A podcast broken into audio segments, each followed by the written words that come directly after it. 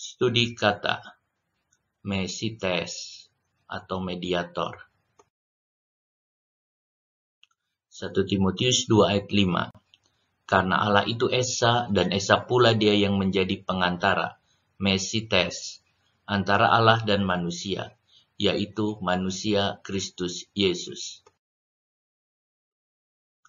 Mesites berasal dari kata mesos, yang artinya di tengah-tengah. Mesites adalah seseorang yang berdiri di tengah-tengah untuk membawa dua orang yang bermusuhan menjadi bersahabat. Mesites lebih daripada seorang pendamai, sebab Mesites mengambil bagian dalam kedua belah pihak. Siapakah yang bermusuhan? Sebenarnya Allah dan manusia pencipta dan ciptaannya itu bersahabat.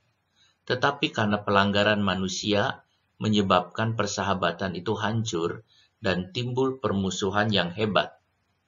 Allah sangat mengasihi manusia, tetapi Allah tidak bisa datang kepada manusia karena dosa, pelanggaran, dan kejahatan manusia. Manusia ingin menghampiri Allah, tetapi manusia tidak bisa datang kepadanya karena Allah itu kudus, dan manusia tidak mungkin menghampiri Allah yang kudus. Sebab orang yang menghampiri Allah harus hidup kudus. Maka dibutuhkan seorang mesites atau mediator. Siapa yang bisa menjadi mesites? Dari pihak manusia tidak ada seorang pun yang memenuhi syarat menjadi mesites. Sebab seluruh manusia telah jatuh dalam dosa dan pelanggaran Bahkan sejak lahir pun manusia sudah terinfeksi oleh dosa dan tunduk di bawah hukum dosa. Jika manusia tidak mempunyai mediator, maka perdamaian tidak bisa terjadi, sebab mediator Allah harus bertemu dengan mediator manusia. Maka satu-satunya cara adalah Allah harus menjelma menjadi manusia, supaya manusia bisa memiliki mediator yang kudus, yang mewakilinya. Maka firman itu telah menjadi manusia dan tinggal di antara kita. Yesus Kristus adalah satu-satunya mediator yang bisa mewakili Allah dan juga mewakili manusia. Syarat perdamaian. Perdamaian bisa terjadi jika kedua belah pihak percaya kepada sang mediator.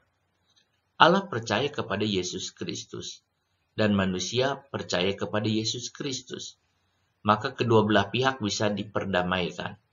Tanpa keduanya percaya, perdamaian tidak bisa terjadi. Yesus Kristus telah menjalankan tugas mediatornya dengan baik melalui pengorbanan dirinya di kayu salib, sehingga Allah dan manusia bisa berdamai. Seandainya timbul perselisihan lagi karena pelanggaran manusia, maka dengan memandang kepada sang mediator, Allah mau mengampuni kesalahan manusia.